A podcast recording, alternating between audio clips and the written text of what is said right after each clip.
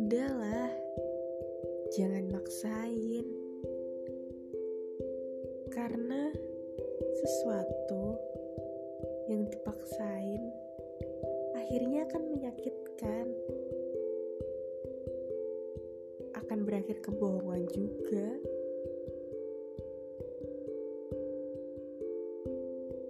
Udah, kalau memang bukan dia orangnya,